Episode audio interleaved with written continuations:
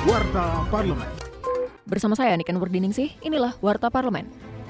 Anggota Tim Pengawas Haji DPR RI, Darul Siska, mengatakan klinik kesehatan haji Indonesia di Madinah sangat memprihatinkan. Pasalnya klinik tersebut kekurangan dokter dan tempat tidur, sehingga pelayanan kepada jemaah haji tidak maksimal. Dengan semakin banyak jemaah haji lansia, politisi fraksi Partai Golkar ini berharap tenaga dokter diperbanyak. Ia menegaskan, hal ini menjadi catatan agar ada perbaikan pada musim haji berikutnya, khususnya di bidang kesehatan. Warta Parlemen. Wakil Ketua Komisi 9 DPR RI, Emmanuel Melkiades Lakalena, memastikan rancangan undang-undang tentang kesehatan mengatur kemudahan bagi tenaga kesehatan untuk memperoleh surat tanda registrasi dan surat izin praktik. STR dipermudah kalau saya ini kan orang ribut nih STR.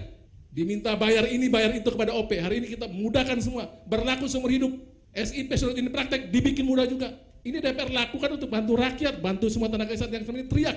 Mereka merasa mereka dipaksa oleh pengurus-pengurus organisasi profesi, bayar ini, bayar itu. Ini faktanya. Kita belain rakyat, belain nakes, bukan belain organisasinya.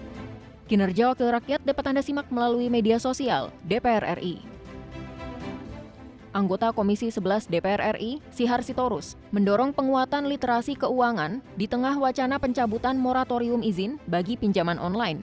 Sihar menilai pencabutan ini akan menimbulkan banyak penawaran menggiurkan dari pinjol, khususnya kepada masyarakat yang literasi keuangannya belum baik.